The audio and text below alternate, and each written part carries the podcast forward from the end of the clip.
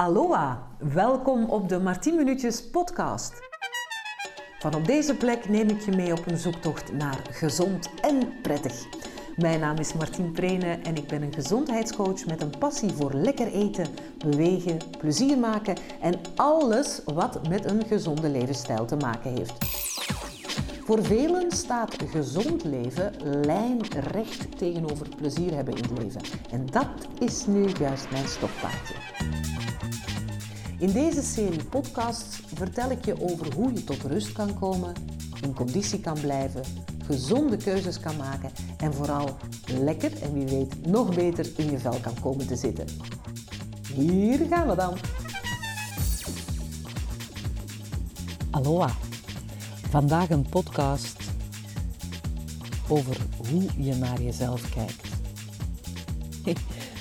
Ik heb nogal wat watertjes doorzomen in mijn leven en ik heb ook heel wat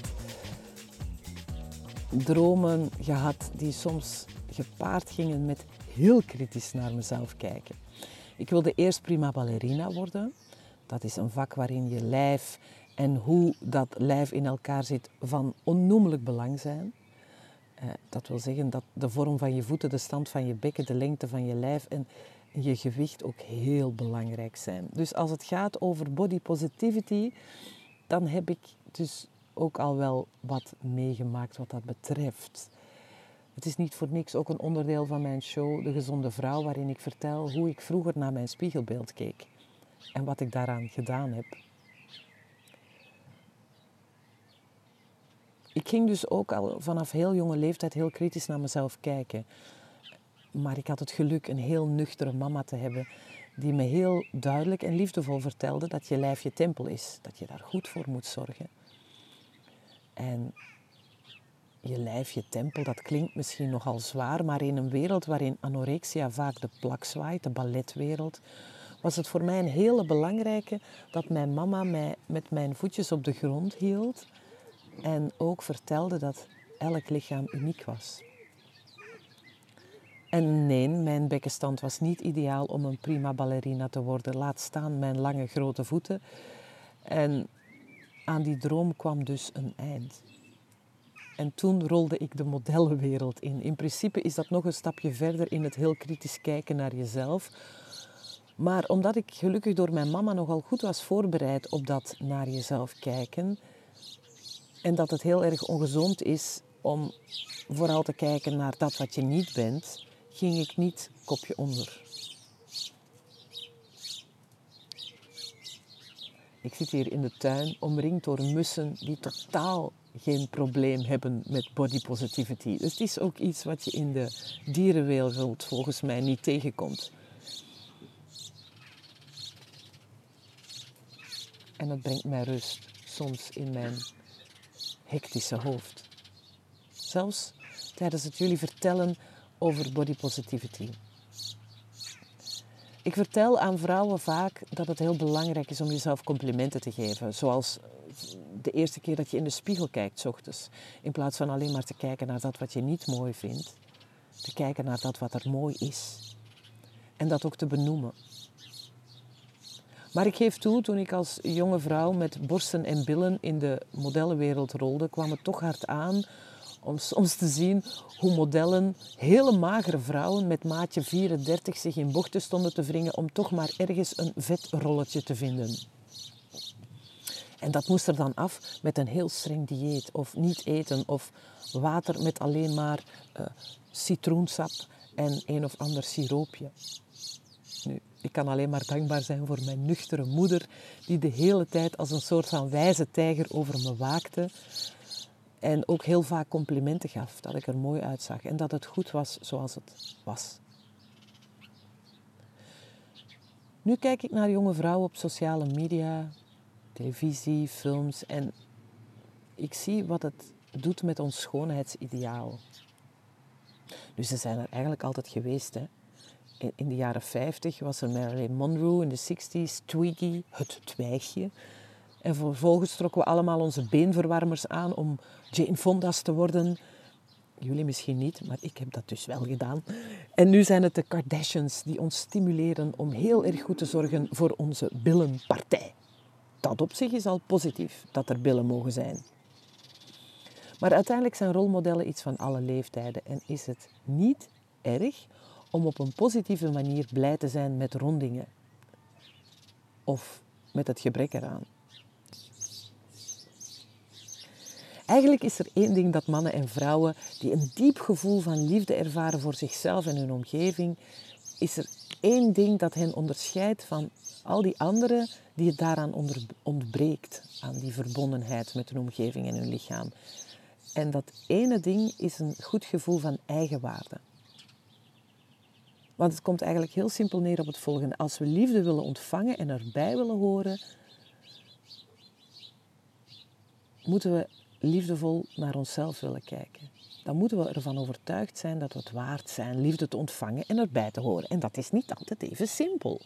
Dus wanneer je in staat bent los te laten wat anderen van jou uh, denken en, en, en dat wat jij doet, en als je verhaal onder ogen kan zien zoals het echt werkelijk is, dan geeft dat toegang tot een goed gevoel van eigenwaarde. Maar vaak zijn we voortdurend bezig met weg te lopen voor bepaalde aspecten in ons leven waarvan wij denken dat ze niet bij ons passen. We willen anders zijn en zodoende blijven we dan eigenlijk een buitenstaander in ons eigen verhaal. Ik heb ergens een hele mooie definitie gezien over liefde. En die wil ik toch even met jullie delen. En dan gaat het natuurlijk ook over zelfliefde. Liefde krijgt de kans om te groeien wanneer we onszelf ten diepste laten zien en kennen met al onze kwetsbare en krachtige kanten. En wanneer we spirituele verbondenheid die daaruit voortkomt bekronen met vertrouwen, respect, vriendelijkheid en genegenheid. Liefde is niet iets wat we geven of krijgen, maar iets wat we koesteren en aankweken. Eigenlijk is het een verbondenheid die alleen maar kan groeien tussen mensen wanneer de basis daarvoor in beide mensen aanwezig is. Daar waar de littekens ontstaan, dubbel schaamte, verwijten, gebrek aan respect, verraad en het onthouden van genegenheid, dat beschadigt de wortels waaruit liefde groeit, dat geeft littekens. Liefde kan dergelijke beschadigingen alleen maar overleven volgens mij als die beschadigingen niet te vaak voorkomen en als ze er zijn, dat ze worden erkend en hersteld. Dat is nogal wat, hè? Nu, de behoefte om erbij te horen is, is, is een aangeboren menselijk verlangen, omdat we willen deel uitmaken van een groter geheel. Maar dat is echt een primaire behoefte en daarom proberen we daar vaak aan te voldoen door ons aan te passen en te streven naar goedkeuring. En dat leidt dan weer tot littekens in relaties en noem maar op. Want in plaats van dat dat helpt, staat dat gevoel, dat gevoel erbij te willen horen eerder in de weg want we horen er namelijk pas echt bij wanneer we onze echte, authentieke, imperfecte zelf aan anderen laten zien. En dat betekent dat ons gevoel erbij te horen nooit groter kan zijn dan de mate waarin we onszelf accepteren. Dus als je met je hele hart en ziel wil leven en in het leven wil staan en lief hebben, en als je de wereld wil tegemoet treden vanuit een positief gevoel over jezelf, dan moet je misschien toch kijken naar de dingen die daarbij in de weg staan. Met name schaamte, angst en, en, kwetsbaarheid. Want wij hebben in deze westerse wereld nog nooit zoveel problemen gehad met overgewicht, met medicijngebruik, met verslavingen als nu. En toch, in deze tijd hebben we zoveel toegang tot informatie, tot boeken, tot wetenschappelijk inzicht. En toch worstelen we zo met het leven. Ik denk dat dat komt omdat we niet praten over de dingen die in de weg staan. En dat die ervan ons weerhouden om dat te doen waarvan wij weten dat dat eigenlijk het beste voor ons is en voor de mensen die we graag zien. En zelf voor onze maatschappij, want we willen allemaal perfect, perfect zijn. Ik heb er al eens een podcast over gedaan. Ik, ik ken dat hoor. Ik, ik ben dan voor heel veel mensen een voorbeeld, een rolmodel. En toch vlieg ik soms ook uit de bocht. Ja. Dat is vooral op momenten dat ik weet dat ik een deadline heb, teksten moet nalezen voor opnames, uh, nog een filmpje op de plank heb liggen dat gemonteerd moet worden. Het buurpaard begint mee te hinniken. nog boodschappen moet doen, de was nog moet draaien, nog langs een afspraak moet uh, en nog een meeting heb staan via Zoom. Dan bij mij soms ook de stoppen door. En dan wil ik niet, omdat ik eigenlijk dan zo perfect wil zijn, ben ik dan ineens helemaal niet perfect. dan wil ik alleen nog maar een stuk chocola, chips, koekjes, zure snoepjes allemaal tegelijk in mijn mond steken. Dat is iets waar wij niet over durven praten. Hè. Wij praten niet over de dingen wanneer we misselijk zijn van het bezig blijven en doorgaan en van alles in onze mond proppen en een wanhopige behoefte hebben om onszelf te verdoven. En zoveel stress en twijfels voelen dat we niet in staat zijn dat te doen waarvan wij weten dat het goed voor ons is. Vaak vragen mensen, ja, die boeken die je schrijft, waarom schrijf je die eigenlijk? En dan denk ik, ja, het zijn kleine hapklare brokjes met tips en tricks en vaak van dingen die je misschien al wist. Maar doordat het op zo'n manier wordt toegediend in een hapklaar brokje, dat het beter binnenkomt. En nog eens af en toe herbekeken kan worden en helpt. Wij mensen, wij praten niet zo graag over hoe we onszelf geweld aandoen om ons gevoel van eigenwaarde op te krikken. Want we zijn eigenlijk al gewend aan zo onszelf geweld aandoen dat we het zelfs niet meer beseffen dat we die dingen doen. Op van die dagen zoals ik net beschreef, waarop alles tegelijk gebeurt. In mijn geval zijn er nog steeds meer dan genoeg dagen waarin ik met mijn voetjes weer terug in het zachte gras sta. Want echt waar, dat helpt. Hè? Dus met blote voeten in het gras, ochtends vroeg. Ik heb dat er net gedaan. Even rustig ademen, een mindfulness oefening. En vooral even de natuur in en wandelen, dat helpt mij om eventjes een reset te doen. Als ik mezelf zo voorbij hollen ben in gek worden van mezelf. Wij hebben vaak het gevoel dat we aan allerlei voorwaarden moeten voldoen om liefde en verbondenheid waar te zijn. En we wringen ons dan in de raarste bochten. Ik doe dat soms ook nog hoor, voor jullie. Het is een soort dansje met onze eigen soundtrack. en voor degenen onder jullie van mijn leeftijd of de ouderen, ik heb het dan um, niet over relaxed Barry White of 70s muziek. Het is meer een cacophonie van uw innerlijke kwelduivels die ons een gevoel van schaamte bezorgen. Door ons van alles in te fluisteren, waardoor we het gevoel hebben dat het nooit goed is. Zo van, wat zullen ze wel denken? Ga niet naast je schoenen lopen, hè? Je bent niet slank genoeg, je bent niet jong genoeg, je bent niet stoer genoeg, je bent niet mannelijk, productief, aardig, noem maar, zorgzaam, populair, creatief, geliefd, bewonderd genoeg. En dan vooral, niemand mag weten dat jij puntje, puntje, puntje, puntje. Schaamte is iets universeels en het is een van de meest primitieve emoties die we als mens ervaren. Het is eigenlijk in wezen de angst geen liefde waard te zijn. Dat is schaamte. We denken vaak dat alleen mensen die iets heel traumatisch hebben meegemaakt schaamte kennen. Maar dat is niet zo. Schaamte is iets dat we allemaal ervaren. En het voelt dat schaamte verstopt zit in de donkerste krochten van ons bestaan. Maar het ligt juist op de loer op de doodgewone plekken.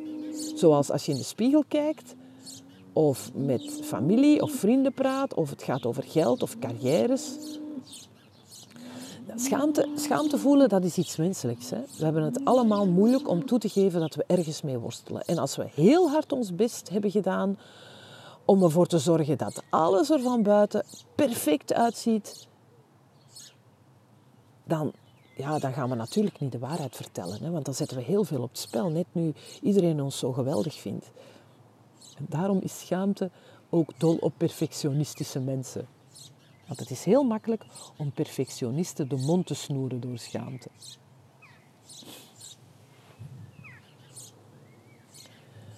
Het is, is, een hele job om in een cultuur die de hele tijd verlangt dat we ons aanpassen, ons best doen om bij anderen in de smaak te vallen, om mooi te zijn en authentiek en echt.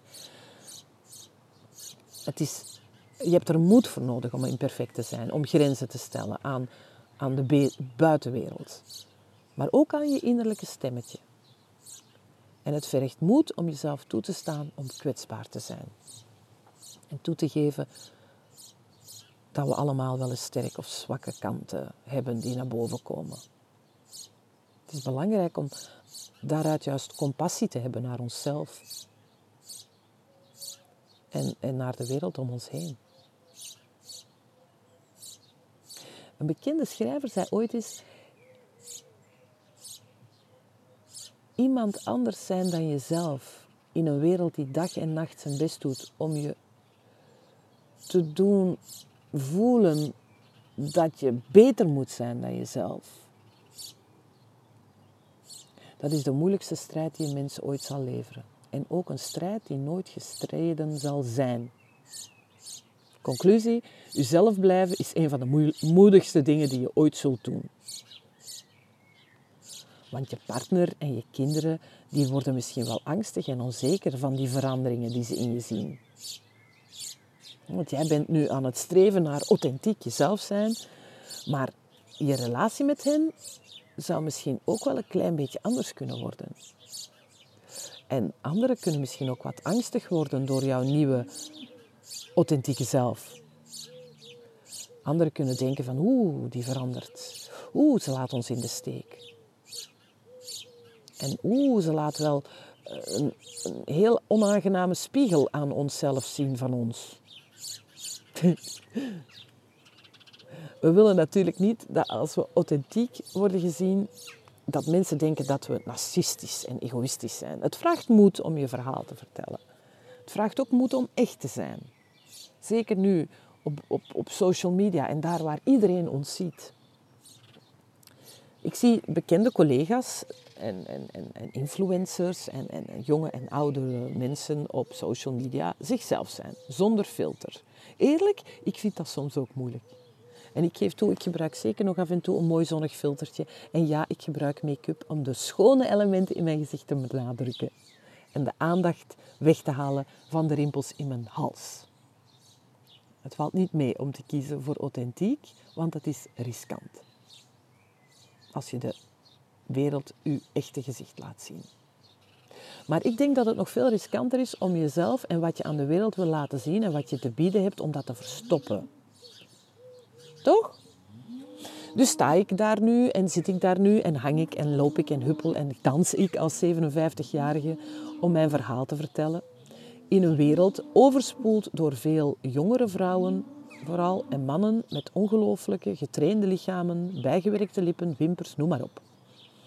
Als gezondheidscoach kan ik zeggen, onderdrukking van je echte zelf kan leiden tot stress, tot depressie, tot eetstoornissen, tot verslaving, prikkelbaarheid, woedeuitbarstingen, relatieproblemen en onverklaarbare somberheid. Want je offert je echte ik op omwille van wat anderen van je zouden denken. En dat is het risico echt niet waard.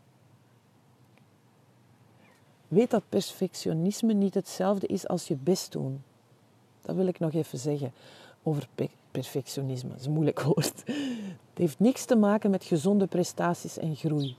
Perfectionisme is eigenlijk een overtuiging dat we als we perfect leven, er perfect uitzien, alles perfect doen en de pijn van afkeuring en schaamte minimaliseren, dat we die verbijten. Of ervoor zorgen dat we zeker niks te horen krijgen dat we het niet goed doen dat is eigenlijk een vorm van zelfbescherming. Maar het is een loodzwaar schild dat we meeslepen. Van, vanuit een gedachte dat dat schild ons zal beschermen. Perfect, perfect, perfect, perfect, perfect, perfect, perfect. Terwijl het eigenlijk datgene is wat ons ervan weerhoudt onze vleugels uit te slaan.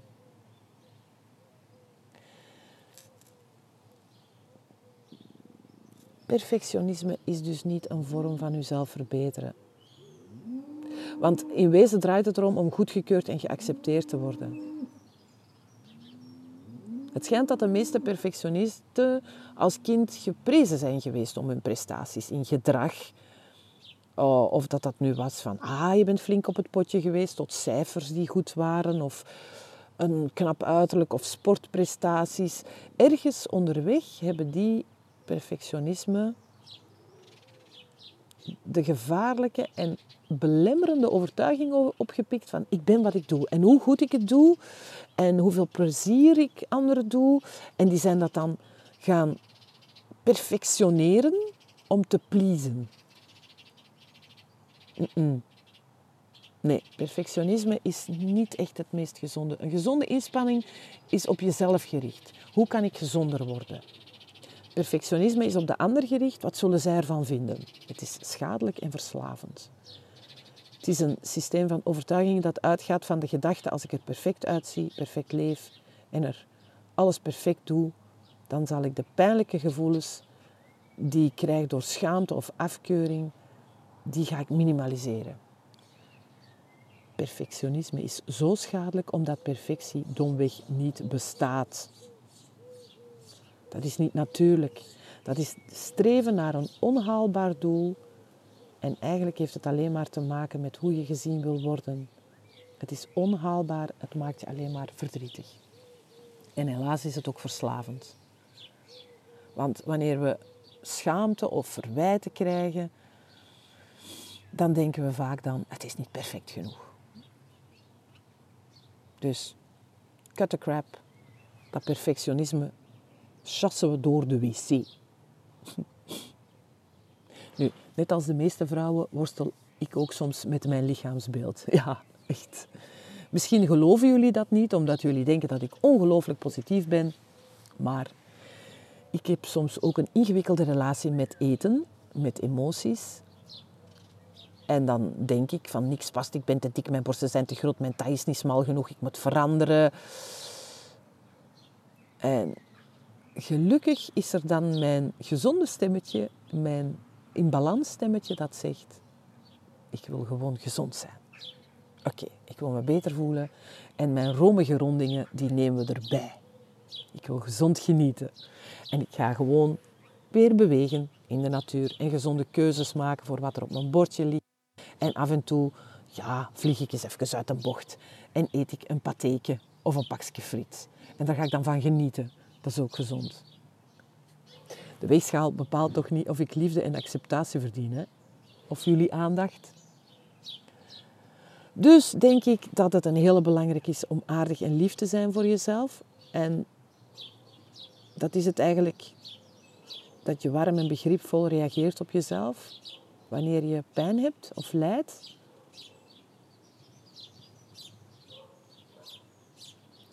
En jezelf gaan kwellen met zelfkritiek. Ik herken dan mijn mens, menselijkheid. Hè. Dat betekent dat ik af en toe, dat het dus is niet gaat, dat ik dan een mindere dag heb.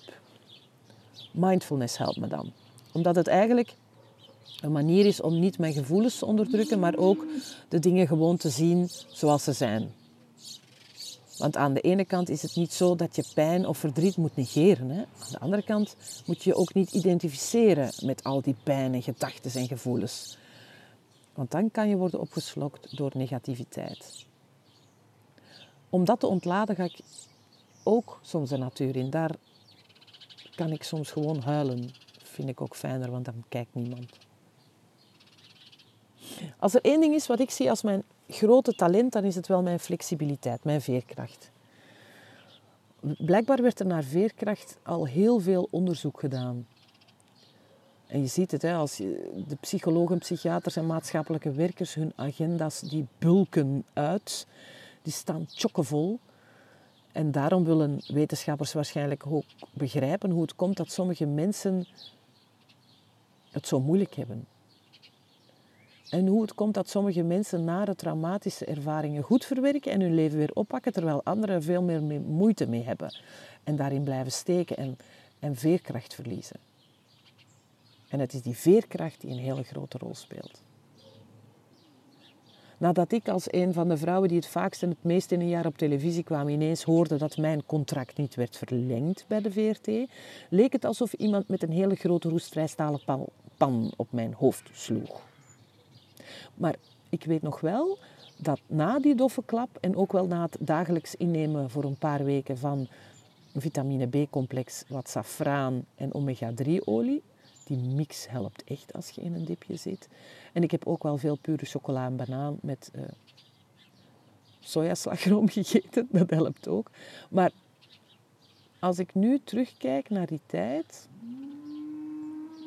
dan ben ik op een bepaald moment echt wel gaan staan en heb ik gedacht, oké, waar heb ik nu tijd en ruimte voor? Ik ga verder studeren, ik ga me verder verdiepen en ik ga mijn route weer opnieuw bepalen. En dat kwam wel duidelijk uit onderzoek naar voren dat mensen die veerkrachtig zijn, dat die eerder uit een trauma komen, dat die vijf factoren hebben. Die zijn sterk vindingrijk in het oplossen van problemen, zijn bereid hulp te zoeken, dat heb ik ook gedaan.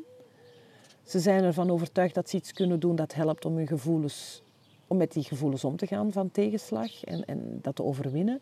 En ze worden gesteund door hun, omgeving. Dat is een hele belangrijke. Goede band met anderen. Mensen zijn geen solitaire wezens. Hè. De hulp van de groep om mij heen heeft mij doen inzien van ja, ik ga voor die studie en ja, ik zie wel waar het schip strandt en er komt wel iets nieuws. En ja, ondertussen werk ik alweer een hele tijd weer voor tv, wat ik nooit had verwacht. Heb ik deze podcast, heb ik mijn filmpjes, mijn social media, heb ik jullie allemaal die, die ik af en toe mee kan, mag inspireren. En dat had ik waarschijnlijk nooit gekund als ik dat was blijven doen wat ik deed. Een showbiz-programma presenteren, wat ik eigenlijk al een tijdje niet meer wilde. Vaak hebben we als we verdriet hebben de neiging om onszelf te verdoven. Als er heel veel pijn, wanhoop of teleurstelling in ons leven is, hebben we allemaal de, ja, de neiging om gevoelens en kwetsbaarheid, om die scherpe kantjes weg te doen door iets verslavends. En chronisch en dwangmatig dempen van gevoelens, dat is geen goeie. Je zou kunnen zeggen dat pijnlijke, scherpe emoties, dat steekt als een doorn van een roos. En wanneer we zo'n prik voelen, veroorzaakt dat een onaangenaam, pijnlijk gevoel. Vaak is het alleen al de gedachte aan pijn die zo een ondraaglijk gevoel van kwetsbaarheid bij ons van binnen oproept dat we zeggen, laat maar, dat wil ik niet, ik wil daar vanaf. En dan kan een glas wijn of iets snoepen of zelfs seks of relaties of bezig zijn met shoppen of bezig blijven of perfectionisme of internet. Nu denk ik dat iedereen tot op zekere hoogte ook wel eens aan zelfverdoving doet. Ik doe dat dan met chocola. en ik denk dat verslaving een dwangmatige chronische vorm van zelfverdoving is. En dat je daar echt wel op zoek moet gaan naar iets wat helpt. Of het nu een coach is, een psychologe of praten met anderen. Mij heeft creativiteit heel erg geholpen om pijn los te laten. En denk nu niet meteen, ik ben niet creatief. Dat bestaat niet, niet creatieve mensen. Ik denk dat mensen die hun creativiteit gebruiken, dat die er zijn en mensen die dat niet gebruiken. En dat door die niet te gebruiken, dat die misschien een beetje wegkwijnt of verstikt. Maar ik denk echt dat creativiteit helpt. En denk nu niet dat je meteen een boek moet gaan schrijven, maar je kan experimenteren in de keuken met koekjes bakken, uh, gaan schilderen, wat dansen, je huis herinrichten, zingen. Creativiteit geeft het leven op de een of de andere manier een positieve, zinvolle touch. En vaak is het een manier om een talent te ontdekken of te herontdekken. Echt waar, we hebben die allemaal. En door onze talenten te ontwikkelen en de wereld daarin te laten delen, geven we ons leven eigenlijk ook wat meer richting en zin. Want wanneer we onze talenten verspillen, dan lijden we daaronder. Jammer, maar helaas. Het gaat echt ten koste van ons emotioneel en lichamelijk welzijn als we ze niet gebruiken. En ja, het vraagt een grote inzet om talenten toe te passen. En het is niet altijd dat wat brood op de plank brengt. Sommige mensen slagen erin om hun talenten om te zetten in hun job. Daar ben ik toch zo dankbaar voor. En ik kan dus mijn zieltje en mijn gezin voeden met dat wat allebei blij maakt. ik denk dat iedereen speciale talenten heeft. Echt waar, ook jij. Ook jij die nu denkt, ik heb dat niet zo van die talenten. En ook jij die een stemmetje heeft die zegt van, hou je niet bezig met uw creatieve talenten, zorg maar dat je centen verdient. Ja, en toch, zoek een ruimteke, een open stukje in je agenda. Al sta je er wat vroeger voor op om iets te doen waar je vroeger als kind ook blij van werd. Zolang de mens bestaat, hebben we gelachen, gezongen, gedanst om ons te uiten. Om verhalen te vertellen, om emoties over te brengen, om feest te vieren, zelfs om te rouwen en om onze onderlinge band te versterken. En ik hoor het u al zeggen, ja, maar het leven is niet alleen lachen, hè. Kijk maar nu eens wat er nu ons overkomt. Er is een uh, maatschappij, uh, kritische dame, die schrijft boeken en die heet Barbara Ehrenreich. En zij heeft een boek geschreven dat heet Dancing in the Street, History of Collective Joy.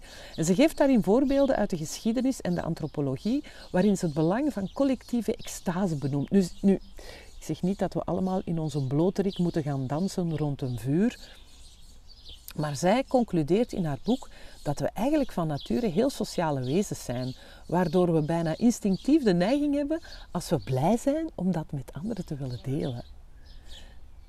En dan kom je meteen bij de vraag, waarom zijn lachen, zingen en dansen dan zo belangrijk? Het helpt om ons te verbinden met anderen. Als je met ze lacht of danst. Het herinnert ons aan het enige wat er werkelijk toe doet wanneer we behoefte hebben om getroost te worden. We zijn niet alleen en we staan er niet alleen voor. Het is een heleboel, hè? Hoe staan we in het leven en positief of negatief? Hoe... Ik heb zo mijn eigen stappenplannetje daarvoor om, om ja, positief in het leven te staan. En jullie weten al dat ik veel de natuur in ga. En jullie weten al dat ik probeer altijd het positieve uit iets te halen. Maar ik ben toch daarvoor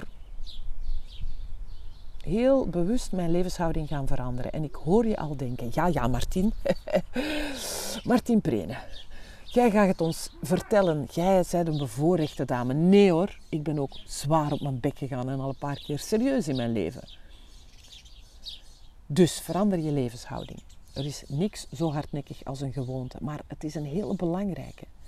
Weet dat je als je iets 21 dagen volhoudt, het een vanzelfsprekend automatisme wordt. Dan staat het in je hersenen gebeiteld als het ware. Dat is wetenschappelijk bewezen. Hè? Dat je je hersenen kunt herprogrammeren of je brein herprogrammeren. Dat doe je door de manier waarop je naar dingen kijkt. Dus niet ik kan dat niet, maar dat gaat lukken. Of dat overkomt mij nu altijd, maar dat is al eerder gebeurd. Dat ga ik eens anders aanpakken. Vermijd negativiteit niet alleen in gedachten, maar ook om je heen. Mensen die altijd negatief zijn, ondermijnen jouw positieve nieuwe ik. Dat motto, elk nadeel heeft zijn voordeel, van Johan Cruijff, is een absolute goeie. Tip 2. Werk aan je zelfvertrouwen en vergroot je wereld. Ook hier weet ik dat het, dat komt niet op 1, 2, 3 aan. Hè. Dat je jezelf iets nieuws aanleert of dat je iets nieuws gaat doen. Maar het kan je zelfvertrouwen een boost geven. En dan kan je zien dat daar misschien ineens een talent naar boven komt waarvan jij dacht dat je het niet had. Hm? Remember? Je blik verruimen op de wereld om je heen werkt genezend, ook bij een laag zelfbeeld. Je kan bij jezelf ten rade gaan wat je echt wil en wat je doelen zijn door bijvoorbeeld een lijstje te maken. Wat wil ik klaargestoomd krijgen in de komende twee jaar? En zet dan misschien onderaan dat lijstje: Ik wil het, ik kan het, ik doe het. Dan heb je voor jezelf een nieuwe motiverende mantra. Tip 3. Ga voor flow. Top niet te lang over wat je allemaal al hebt laten schieten, want ontevredenheid en twijfels geven een knoop in je maag. En dan ga je waarschijnlijk meteen naar de ijskast of de koekentrommel rennen. Probeer zo weinig mogelijk spijt te hebben. Je leert door op je bek te gaan. Dat zijn leermomenten. Weet dat het heel zeldzaam is dat één enkele beslissing voor een geweldige ommekeer zorgt. Probeer bij ingewikkelde beslissingen er altijd een nachtje over te slapen. En maak van alledaagse dingen een uitdaging.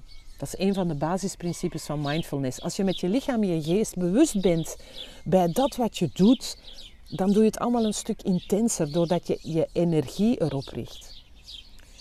En dan ben je zo geconcentreerd en ervaar je flow. Psychologen gebruiken die term flow om een staat te omschrijven waarin je helemaal opgaat in je activiteit en met je hele wezen erbij betrokken bent. En dan raak je het gevoel van tijd even kwijt. Je bent dan in flow. Dan kan je maximaal creatief zijn en bergen verzetten. Tip 4. Koester je vriendinnen. Volgens wetenschappelijk onderzoek hebben vrouwen een sociaal gen. Vrouwen zijn degenen die communiceren in een relatie. En als er niet wordt gecommuniceerd, bloedt de relatie dood. Mijn schoonmoeder zei altijd: relatie is communicatie en wel zet gelijk. Wij kunnen ons echt verbonden voelen door met anderen te praten, theetje te drinken, koffietje, een bijbepje noem ik dat. Koester je vriendinnen en kennissen. Vergeet hun verjaardagen niet. Investeer tijd in hen. Want het gemeenschapsgevoel is echt belangrijk. Je staat er namelijk niet alleen voor en zo voel je je sterker. Tip 5. Kijk uit voor de goedkeuringsvalkuil. Velen van ons willen door iedereen liefgevonden worden. Dat kan niet. Niet iedereen moet je lief vinden. Echt niet. En stop met iedereen altijd pleziertjes te willen doen. Dat werkt echt bevrijdend om niet door iedereen graag gezien te willen worden. Focus je op de mensen om je heen die je graag ziet. Wees eerlijk en oefen in de term nee. Tip 6. Als je voelt dat het hoog zit, smijt de stress en irritatie, frustratie eruit. Ga uit je comfortzone. Ga dansen. Ga in de natuur raar lopen, huppelen. Doe alsof je vijf jaar bent. Ga wat staan springen op de uh, trampoline van je kinderen. Het maakt niet uit. In tijden van overload is het belangrijk. En dan zijn er natuurlijk de natuur en de huisdieren. Die kunnen pleisters zijn. Huisdieren kunnen je gezondheid en je mentale well-being verbeteren. Dat is ook wetenschappelijk bewezen. Dus uh, wat let je? Ga een sukkelaar uit het asiel adopteren. Geef hem een gouden mandje. Tip 7. Als je hoofd moe is, teken het dan leeg. Droedel, schets, kriebel, teken op een papiertje of ga wat kleuren. Het helpt echt. Tip 8. Nog even opgelijst de meest voorkomende dingen waar we onszelf de duivel mee aandoen. Arme ikke, arme ikke. Kijk nu eens nuchter naar de zaak. Neem je verantwoordelijkheid, want angst werkt verlammend. Hm? Stop met zelfkritiek. Dat helpt niet. En het is ook vaak het probleem van een ander dat we bij onszelf leggen. Zoals bijvoorbeeld in een slechte relatie waarin het humeur van onze partner en het ongelukkig zijn van onze partner aan ons zou liggen. Not. Kijk uit met de liefgevonden worden. Hè? Dat is een valkuil. Hè? En vooral, s ochtends vroeg. Hè? Niet jezelf naar beneden praten als je naar jezelf kijkt voor het eerst die dag. Nog een hele goede, probeer altijd werk en privé te scheiden. Want dat is een hele belangrijke. En weet dat opbouwende kritiek groei creëert, maar constant kritiek op jezelf depressie. Dus stop ermee. Dit was hem dus. Het eerste seizoen van Martins podcast zit erop. Maar er komt nog veel meer fijns aan. Volgend seizoen, en dat start gewoon volgende week, zoek ik regelmatig inspirerende vrouwen op en duik ik verder in dat wat ons leven fijner en gezonder kan maken. Maar ik vraag me ook af waar jullie nog eens een podcast over willen horen. Schroom dus niet om mij via de site een berichtje te sturen en ga sowieso eens op die site kijken voor nog wat meer inspiratie over gezond genieten en zo. Je kan je daar ook inschrijven op mijn nieuwsbrief, waardoor je als eerste op de hoogte bent van alle nieuwe evenementen, de leuke hebben dingen en de acties, zoals de online lezingen die ik binnenkort lanceer. En die worden leuk. De site vind je op www.martineprene.be. Dat is uh, simpel, hè? En over gezond genieten gesproken, mijn boek Menopower verschijnt op 10 juni in een nieuw jasje. Voor al die vrouwen die het boek nog niet lazen of er nog niet aan toe kwamen of het misschien aan een andere top madame willen schenken. De inhoud van het boek is voor een klein deel aangepast, dus geen paniek als je je Menopower al in bezit hebt. En verder hoop ik jullie natuurlijk snel te mogen begroeten hè, via je favoriete luisterkanaal, voor de podcast natuurlijk, voor de lezingen, de nieuwsbrief of via mailtje of hopelijk straks op een voorstelling van de gezonde vrouw. Ik wens je nog een heerlijke dag toe met veel genieten en vergeet niet om jezelf morgenochtend een complimentje te geven als je naar jezelf in de spiegel kijkt. Tot nu! Zo, deze Martin Minuutjes podcast zit erop hoop dat het je inspireerde. Snuister hier gerust nog wat rond om meer amusants en gezonds van me te beluisteren. En ik nodig je bij deze ook van harte uit op mijn site www.martineprene.be voor inspirerende filmpjes, gezonde tips en tricks en mijn gouden raad voor een nog prettiger leven. Bedankt om te luisteren en tot de volgende keer. Doei!